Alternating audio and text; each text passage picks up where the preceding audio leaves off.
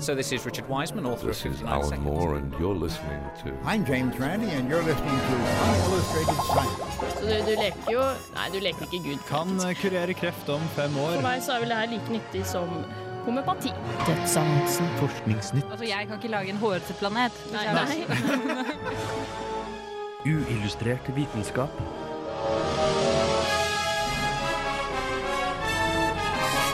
Science, it works, bitches. I dagens sending får du vite hvorfor opptil 50% av forskning som gjøres, kan være feil. I tillegg får du vite hemmeligheten bak to av vår tids superinsekter, nemlig edderkoppens spindelvev og gekkoens sugekopptær. Hei og velkommen til Uillustrert vitenskap. Jeg er Hogne, og med meg i dag så har jeg Gaute. God dag. Og Agnes, du er tilbake igjen. Ja, jeg er eh, visst det. Jeg måtte ta på meg synlighetskapet. Yay! Ja. Yay. Ja, nei, men Det er bra du er tilbake igjen. Da får vi endelig noen jenter i programmet også. Det har vært en stund siden, faktisk. Ja, trenger litt østrogen for å friske opp i studio her. Ja, eh, Før vi setter i gang med intervju, så kan vi kanskje få en fun fact fra deg, Agnes? Det kan du få, vet du. Eh, jo, menneskeøyet er like stort gjennom hele livsløpet. Altså det vil si at det vil aldri bli større eller mindre enn det er da, når man blir født. Så man blir egentlig bare mindre og mindre søt jo eldre man blir. For det er jo øyne, øyestørrelse i forhold til uh, kroppsstørrelse. Ja, faktisk så kan man si det, ja. Mm. Ja, Nei, nå får du Shivers av She-Wheels. I 2011 ble psykologiprofessoren Staple avslørt som en juksemaker. Dette skjedde like før han skulle publisere nok et overraskende, men ikke helt utenkelig resultat. Nemlig at mennesker som spiser kjøtt, er mer egoistiske enn de som er vegetarianere. Men det er ikke denne typen direkte juks som er det største problemet. Det er forskningsmetodene som brukes på mindre undersøkelser, metoder som er helt allment akseptert, men som likevel gir feil resultat. Jeg har pratet med professor Magne Jørgensen for å få et større innblikk i dette problemet. Hvorfor er måten vi gjør forskning på i dag feil? Det er eh, to grunner som er eh, vesentlige. og Det ene er det som kan kalles eh, publikasjonsskjevhet. Nemlig at man kun publiserer når man har funnet et spennende resultat, eller oppsiktsvekkende resultat. Det andre er det at man kjører for svake studier, som er for lette å analysere seg til dit man vil ha de.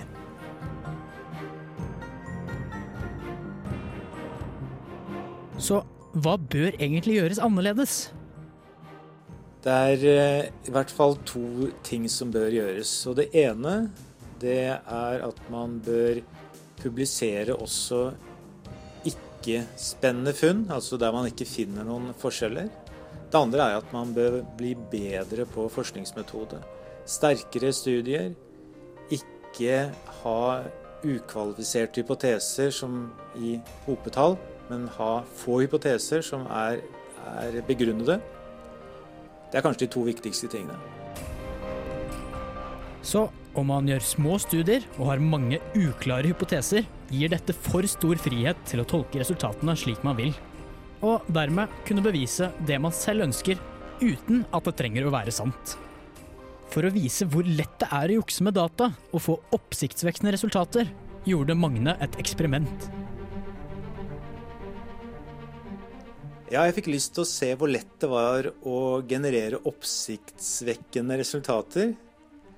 Og lagde meg et lite studie ut fra hypotesen om at forskere med lange navn skriver mer kompliserte artikler. Og jeg samlet data og gjorde analyser, og overraskende nok så fant jeg at nettopp det var tilfellet. Og det uten å jukse, men ved å gjøre et par mindre grep som alle er innenfor det som er eh, mer eller mindre akseptert praksis. Og det ene var at jeg ikke rapporterte alle målestørrelsene jeg brukte for å måle kompleksitet i en tekst. Og det andre var at jeg justerte litt på hvordan jeg målte lengden på navnet. Ingen av delene var i og for seg eh, feilaktige, men jeg gjorde det etter at jeg visste hvilken effekt det vil ha på resultatet. Dette tyder på at det er altfor lett å lage seg resultater for å få en hypotese til å stemme, og noe bør gjøres. Vi må slutte å akseptere små studier som gode nok, og stille strengere krav til forskerne. Vi i Uillustrert bør også gjøre vår jobb, nemlig å alltid være kritisk til all forskning vi snakker om, og ikke ta alle oppsiktvekkende resultater for god fisk, selv om de er aldri så spennende.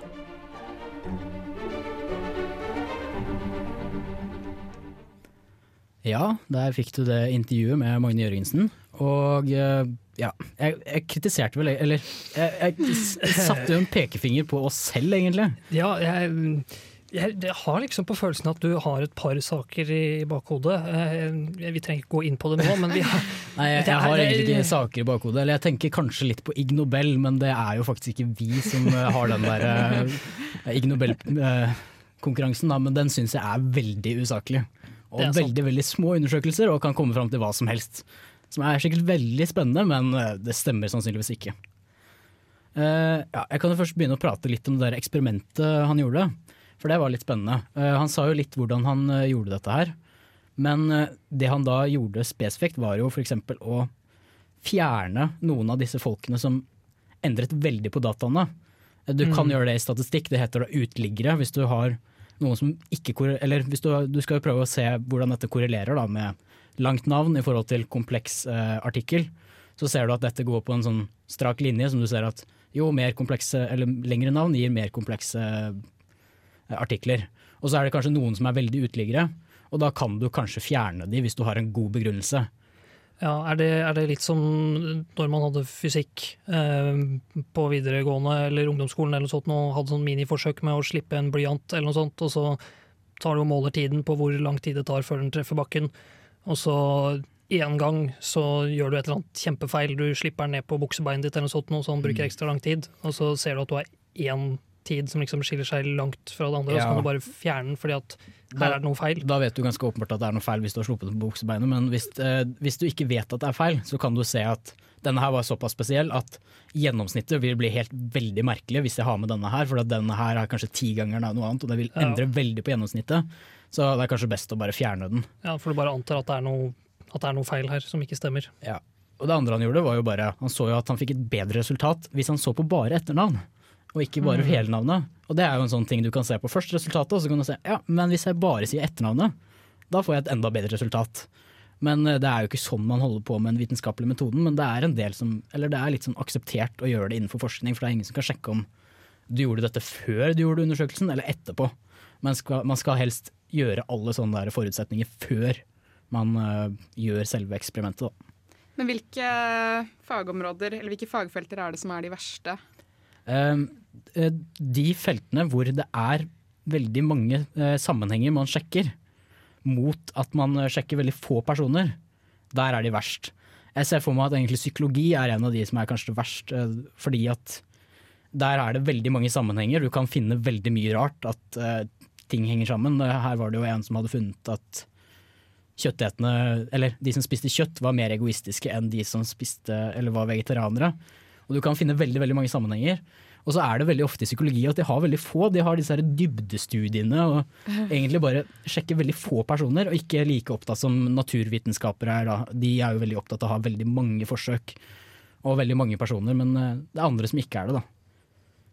Og der er det sannsynligvis kanskje opptil over 50% kan være uriktig, da. Og de får veldig mange oppsik oppsiktsvekkende resultater, for det er veldig mye kult innen psykologi man leser, men så er det sannsynligvis kanskje bare fordi at uh, disse her undersøkelsene er veldig små. Så hvis man finner en skikkelig kul artikkel, så er det ganske sannsynlig at den på en måte er litt feil, da. Kanskje. Uh, ja, man må i hvert fall se på hvor mange er, personer er de har sjekket. Hvis de har sjekket 100 eller 1000 personer, så kan du kanskje si at ja, dette her er faktisk nok til at uh, nå har vi faktisk bekreftet dette her. Men hvis de har sjekket eh, 10 personer eller 20 personer eller et eller annet, så kan det hende at dette er helt feil. At det er ja, mange grunner til hvorfor de fikk dette her resultatet. Da. Men da må du også se på i hvilken sammenheng det er. Da. For hvis det er en sykdom som bare 100 personer i hele verden har, og de har brukt 50 av dem, så er det jo strengt tatt ganske godt Det, ja, det er, det er jo sånn at de hadde ikke mulighet til å dekke det bedre, men det blir fortsatt dårlig. Det er sant. Eh, fordi de, ja, Jeg kan jo nevne de tingene som gjør at små undersøkelser blir dårlige. Da. Og det er jo fordi at eh, det, det er jo rett og slett bare tilfeldig variasjon. Da, at man kan plutselig ha litt tilfeldighet. At de ti personene du sjekket, så var det plutselig så var det plutselig åtte stykker som hadde dette her eh, tilfellet som du lette etter. Og det kan bare være tilfeldig, mens det egentlig i virkeligheten bare er fem eller et eller annet. Og da blir det veldig stor forskjell.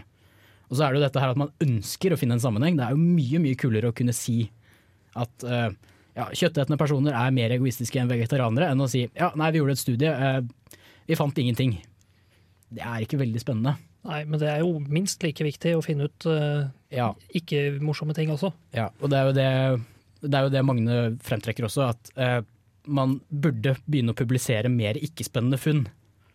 Men uh, det er dessverre ikke Det er jo sånne programmer som vi prater jo ikke om det, så det er jo ikke veldig spennende for disse professorene å lage, lage, dette her. Og ja.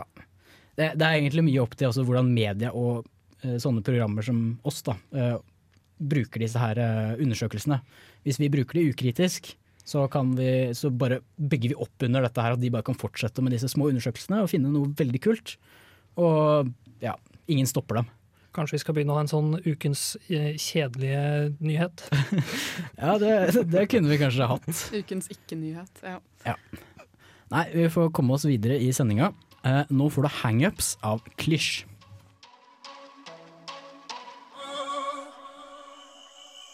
Har du noen gang lurt på hvordan en liten edderkopp kan produsere et materiale som er sterkere enn stål? Det er det flere som har lurt på. Forskere over hele verden forsøker å produsere kunstig edderkoppspinn. Edderkoppspinnet veier mindre enn bomull, men per vektenhet er det sterkere enn stål. Siden materialet er så sterkt og samtidig så elastisk, vil det kunne brukes i drøssevis av produkter. F.eks. tau, vindmøllevinger, bandasjer og ikke minst skuddsikre vester. Det store mysteriet har vært hvordan denne supertråden blir laget. Prosessen starter i den såkalte silkekjertelen. På dette stadiet er tråden en slags sirupslignende masse bestående av proteiner. Når edderkoppen spinner, transporterer den massen gjennom en kanal som munner ut i spindelvorten. Den prosessen tar under ett sekund. Men hvordan kan egentlig denne flytende massen bli til et stoff som er hardere enn kevlar? Det ferdige nettet har faktisk en lav pH. Det betyr at det er surt, som betyr at det er flere protoner i massen. Disse protonene er helt avgjørende for hvordan nettet går fra flytende til fast. Noen av proteinene i massen tar opp protoner og blir positivt ladet. Det gjør at de binder seg lettere til andre proteiner. Derfor blir det flytende stoffet fast, og massen blir et ferdig nett.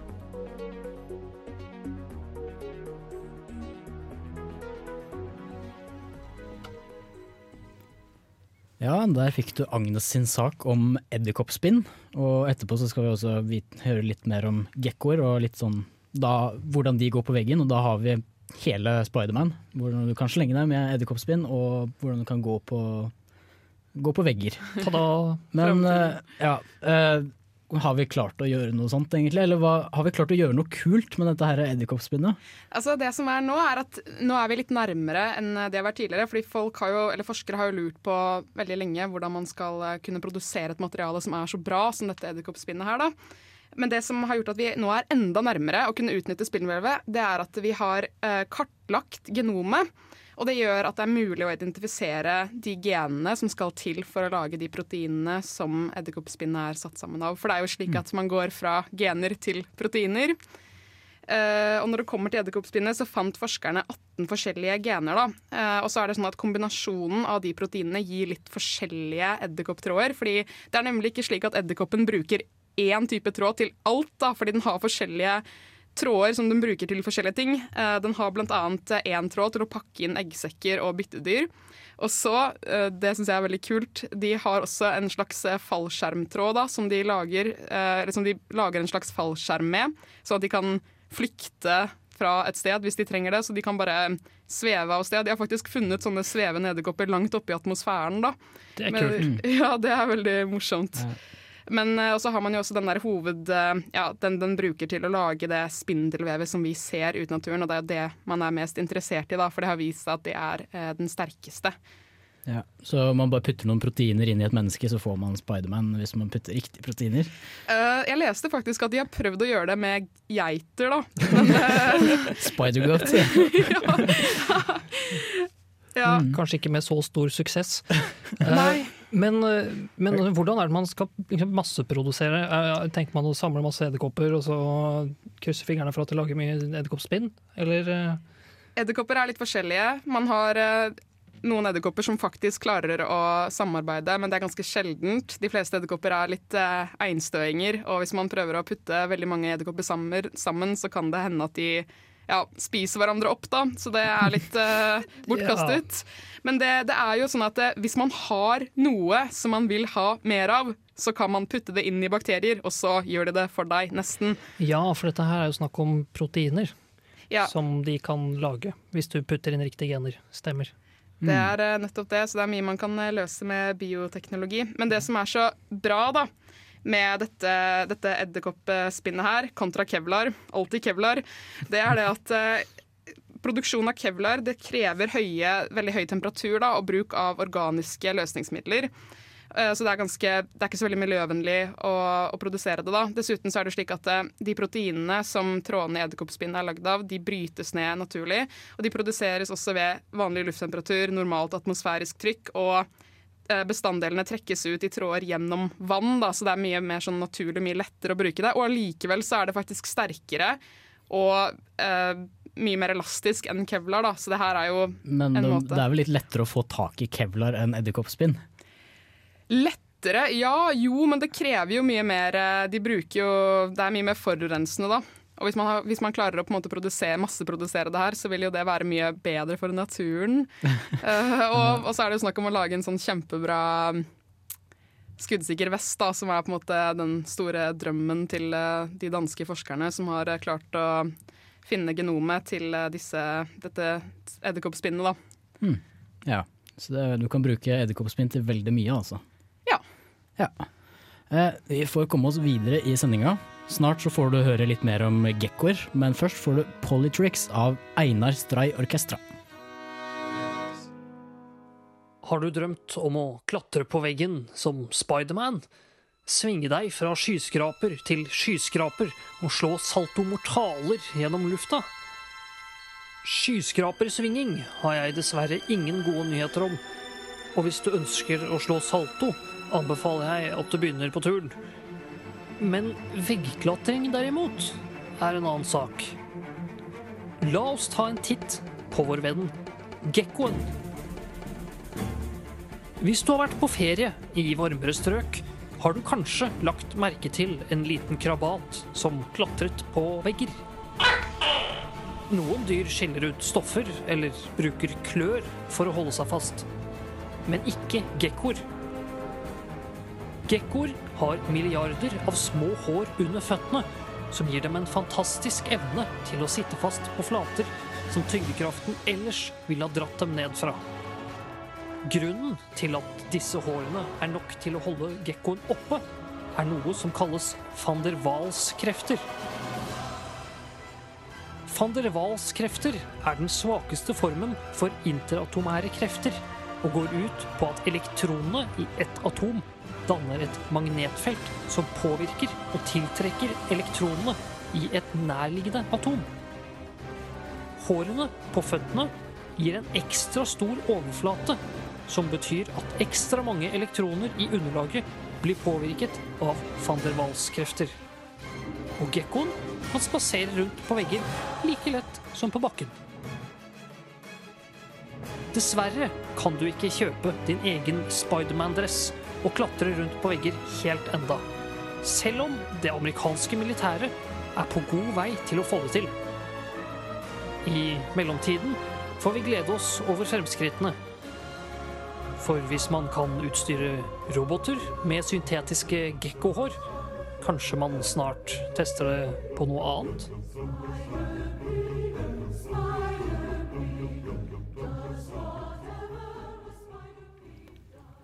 Ja, der fikk du høre gekkoer som kan gå på Eller hvorfor de kan gå på vegger.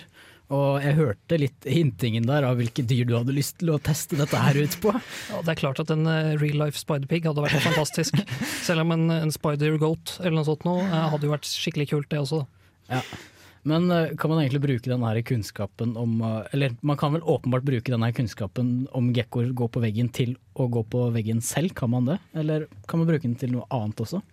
Ja, eh, altså det er faktisk overraskende mye man kan bruke det til, når jeg har eh, undersøkt litt. Eh, nettopp fordi at det er jo en måte å få ting til å sitte sammen som man ikke intuitivt tenker seg. Eh, For disse van der Waals-kreftene er jo utrolig svake. Um, men det at den faktisk klarer da, at Gekon klarer å, å bruke det til å sitte fast, eh, åpner jo opp for at man kan etterligne det. Og bruke det på ja, f.eks. hvis du skal ha, ha ny teknologi til å holde sammen mobiltelefonen din eh, på en god måte. Uh, ellers så vet jeg at den har blitt brukt eh, i, i medisin til å lage en slags eh, teip til å teipe igjen eh, sår på indre organer og i lufterør og sånn. Hvor de da har kombinert en teip som eh, bruker omtrent samme systemet som gekkoføtter, og, eh, og sånn medisinsk eh, lim, som jeg ikke egentlig vet hva går ut på, men eh, sånn du limer igjen eh, sår med og sånt. Um, og det som kan være ganske viktig å tenke på, er jo det at disse føttene er jo Det er jo litt feil å kalle de sugekoppføtter, for det er jo egentlig ikke sugekopp i det hele tatt. Det er jo bare det at de har en stor overflate som tiltrekker overflaten under. Uh, og på den måten så liksom bare sitter de fast av seg Mm. Ja. Eh, men det var vel amerikanske noe sånt som jobbet med dette her. Ja. Hvor, hvor langt har de kommet, egentlig? Eh, Det siste jeg leste var vel i sommer, eh, på at de hadde fått en, eh, fått en mann til å klatre opp eh, 25 feet, eller noe sånt nå. Nå er jeg ikke så veldig god til å omregne det til meter. 25 feet? Ja, det, Eh, det kan dere google. en meter er tre feet cirka. Ja. Ehm, og, og det var da på, på glass han klatra opp. Rett opp en glassvegg. Ja. Og måten de fikk den til å gjøre det, var at de hadde utstyrt den med sånne plater, på en måte, som han hadde festa på armer og bein. Um, med da disse gekko-hårtingene som han klatret oppover med. Mm. Ikke like elegant, uh, naturligvis. Nei, nei, da hadde han kanskje kommet mye lenger òg. Men uh, hvordan klarer han egentlig å fjerne, eller løfte disse beina? Jeg ser for meg at det er liksom, er liksom sånn at den suges fast, og så er det veldig vanskelig å løsne igjen. Ja, eh, det er jo en av hovedutfordringene. Bl.a. Blant annet fordi man ikke har visst hvordan gekkoene gjør det selv engang, eh, før nå inntil nylig. Det var faktisk nå i august. Det ble publisert eh, i Journal of Applied Physics. eh, Hvor det ble publisert et studie eh, som eh, viser hvordan i hvert fall én type gekkoer, som finnes i Sørøst-Asia, klarer nettopp det å å løsne på føttene, eh, og det også da å svinge fort. For det de har funnet ut, er at disse hårene på føttene eh, de kan eh, endres vinkel på. Altså De har kontroll over hårene, så de kan endre vinkel for å få de til å sitte mer eller mindre fast. Og I tillegg så er de hårene eh, kurvet på en sånn måte at de kan ehm, De kan lagre opp energi i det. Og hvis de da uh, trenger å skifte retning fort, så fungerer de fjærene omtrent som fjær, på en måte. Som springfjær. Mm. At de da liksom kan bøye de på en sånn måte at de liksom får lada opp potensiell energi, og så spretter de ut ved å endre vinkel på dem, og så kan de hoppe til siden og ta nytt grep. Ja, Så det er utrolig mye vi kan lære fra naturen og dyrene. De er Ja. En del av de er fortsatt et uh, trekk foran oss. Det er fortsatt en del man trenger å få til før man klarer å få menneskene til å styre hår i plater på den måten. Mm. Ja. Eh, vi får komme oss videre. Nå får vi snart Forskningsnytt, men først får du Dogboy av Project Pat. Ja, da har vi kommet til Forskningsnytt. Eh, har du lyst til å begynne, Gaute? Det har jeg, um, og siden jeg er litt inne i dette gekkohjørnet i dag, eh, så tenkte jeg å ta opp en sak som det visstnok har vært ganske mye styr om eh, rundt i verden de siste to månedene, som jeg ikke har fått med meg før nå. Um, nemlig at Russland har sendt opp fem eh, gekkoer i verdensrommet for å se hvordan vektløshet påvirket deres atferd og um, sexliv. Enkelt og greit. Og nå har de sjokkerende resultatene kommet. De har nemlig landet på jorda igjen. Og gjett hva? Trommevirvel. De er døde.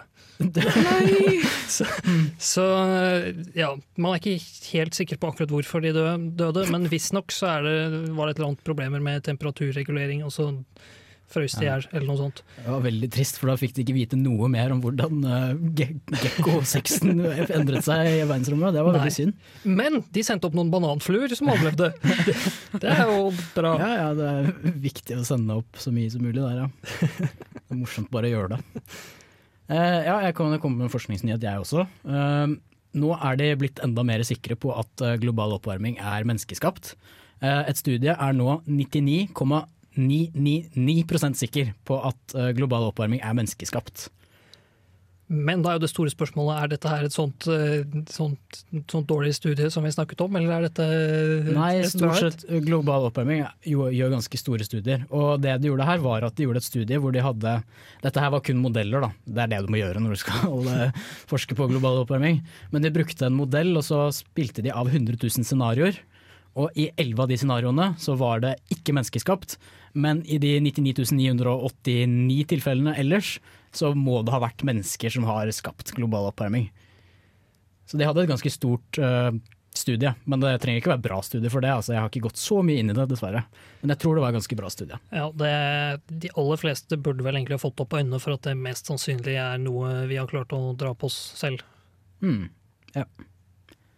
Agnes, har du noe? Ja, jeg har faktisk noe. Jeg, måtte bare, jeg, jeg, jeg tenker så mye på det med seriøse studier at man må være litt sånn uh, kritisk. Men jeg har faktisk et studie som eh, baserer seg litt på uh, gruppering, altså antall mennesker og sånn. Fordi man har funnet ut at uh, hvis man ser actionfilmer, så spiser man mer usunt godteri enn når man ser seriøse dokumentarer. da. Av at det er så mye høy lyd og sånn, så de hadde tatt et lite forsøk på noen mennesker og funnet ut eh, hvor mye de forsynte seg da, av brus og godteri og sånn når de så en actionfilm, kontra når de så uh, et lydklipp fra den samme filmen uten lyd. Nei, altså et klipp fra filmen uten lyd, så klart. Og en uh, dokumentar da, kontra actionfilm. Så de fant ut at det er en sammenheng der, da.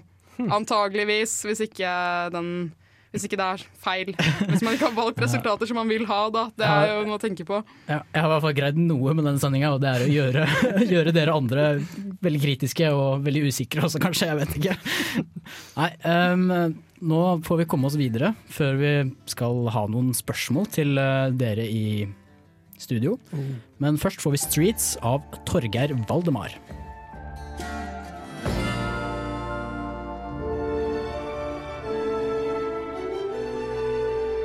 Hei, dette er Magnus Carlsen, og du hører på Uillustrert vitenskap. Ja, der fikk du Magnus Carlsen som fortalte deg hvilket program du hørte på. I tilfelle du ikke vet det. Veldig uengasjert. Eller ja, han var kanskje veldig engasjert, det er bare det at han har ikke så mange andre stemmer. Nei, eh, nå skal vi faktisk ha en liten eh, quiz her, eh, og temaet det er eh, drømmer. Det er det, ja. ja. men Det er jo fint å få vite, for vi visste ikke noe om det før nå. Nei, men det var ikke meningen at dere skulle lese det opp det eller noe sånt. Nei, okay. så, først, så første spørsmål er egentlig drømmer blinde mennesker? Ja. Ja. Dere svarer Vi svarer ja. Jeg svarte For først. Selv om de ikke ser, så kan de jo høre og lukte og sånn. Altså. Ja, for det er nettopp det at hvis de ble blinde før, eh, eller etter de ble født, altså at de har hatt syn, men deretter mistet det, så drømmer de med bilder, sånn som oss. Men hvis de har blitt blinde sen, eller før de ble født og aldri sett noe som helst, så har de fortsatt drømmer, men da bruker de da andre sanser, som lyd og lukt og følelse og alt mulig rart. da. Hmm. Så jeg aner ikke hvordan det er å drømme uten bilder, men eh, de kan gjøre det. Så riktig til begge, da. Ja, én igjen. Yay. Um, og det er andre spørsmål. Uh, drømmer alle, alle mennesker? Aner ikke, så jeg sier nei. Jeg tror at alle drømmer. Så ett ja og ett nei. Um, det er eh, nesten riktig. Det er så, så å si alle drømmer, men det er noen som har et sånt uh, syndrom som heter uh, Charlotte Wilbrand syndrom. Og da har man ødelagt dette her oppi hjernen, og da drømmer man faktisk ikke. Oh, så nei var riktig svar? Så nei var riktig svar, så nå er det 2-1 til Gaute. Jeg har et spørsmål. Hvis man ikke drømmer, ligger man liksom bare i sånn koma da, når man sover? Man eh, drømmer ikke hele natta, så da kommer man bare aldri inn i den delen hvor man faktisk drømmer. Man Hmm. drømmer ikke hele tiden. Eh, så er spørsmålet, neste spørsmål, hva er den vanligste følelsen når man drømmer? Uh, stress. Stress? Jeg tenker også stress eller redsel. Redsel? Jeg tror ikke redsel, men, men en Eh, slags uh, Ja, eh, stress. rik, riktig svar er angst. Og Ja, wow! da vil jeg nesten si at Agnes fikk det der, for at redsel er nærmere enn stress. Stress har jo også noe med angst å gjøre, men uh, okay, redsel da. er nok litt nærmere. Uh, neste spørsmål. Drømmer dyr? Eh, ja. Det tror jeg òg. Ja, det er en del dyr som de har funnet ut at drømmer. Eh, og kan man drømme i svart-hvitt? Ja, hvorfor ikke? Det må jo være mulig hvis du kan drømme i lukt og hørsel.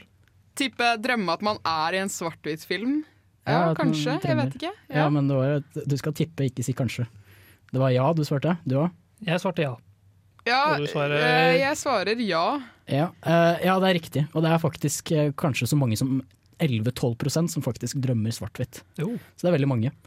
Eh, ja, Det får ta kanskje siste spørsmål som vi rekker, eller kanskje vi rekker det til. jeg vet ikke. Eh, hvilket kjønn drømmer mest om det motsatte kjønn? Gutter drømmer mest om eh, damer. Nei, det er damer. Drømmer mest om Så der fikk vi den kjønnsduellen på siste spørsmål. Det var virkelig bra. Eh, det viser seg at eh, menn drømmer om ja, 70 av eh, menneskene i menns drøm er andre menn. Mens i kvinner så er det 50-50. Så det er, det er eh, kvinner som drømmer mest om det motsatte kjønn. Menn har mye mer aggressive drømmer. Ja, så da vant du det, Gaute. Yes! Ja. Nå får du Odessa av Odessa. Ja, da gjenstår det bare å si ha det og si hvem vi har vært, og litt sånn diverse. Eh, jeg har vært uh, Hogne Jørgensen, og du Jeg har vært Gaute. Jeg har vært eh, Agnes. Ja, og tekniker med oss i dag har vært eh, Camilla. Um, ja, nå som vi har litt tid, eller har ikke mye tid, så kan vi i hvert fall si at dere får eh, følge oss på Facebook, og kanskje det skjer noe på Twitter en eller annen gang, ikke vet jeg. Uh, ja, vi ses neste uke. Uillustrert vitenskap er Midt-Norges eneste teknologimagasin på lokalradio. Og vi snakker om alt fra populærvitenskap til sære forskningsprosjekt ved NTNU. Radio Revolt, studentradioen i Trondheim, er stolt av å kunne presentere podkaster fra de aller mest populære programmene våre. Hvis du har lyst til å høre mer fra Radio Revolt, hvem vi er og hva slags musikk vi spiller, så kan du høre oss på FM-båndet i Trondheimsregionen, eller streame sendingene våre live på radiorevolt.no.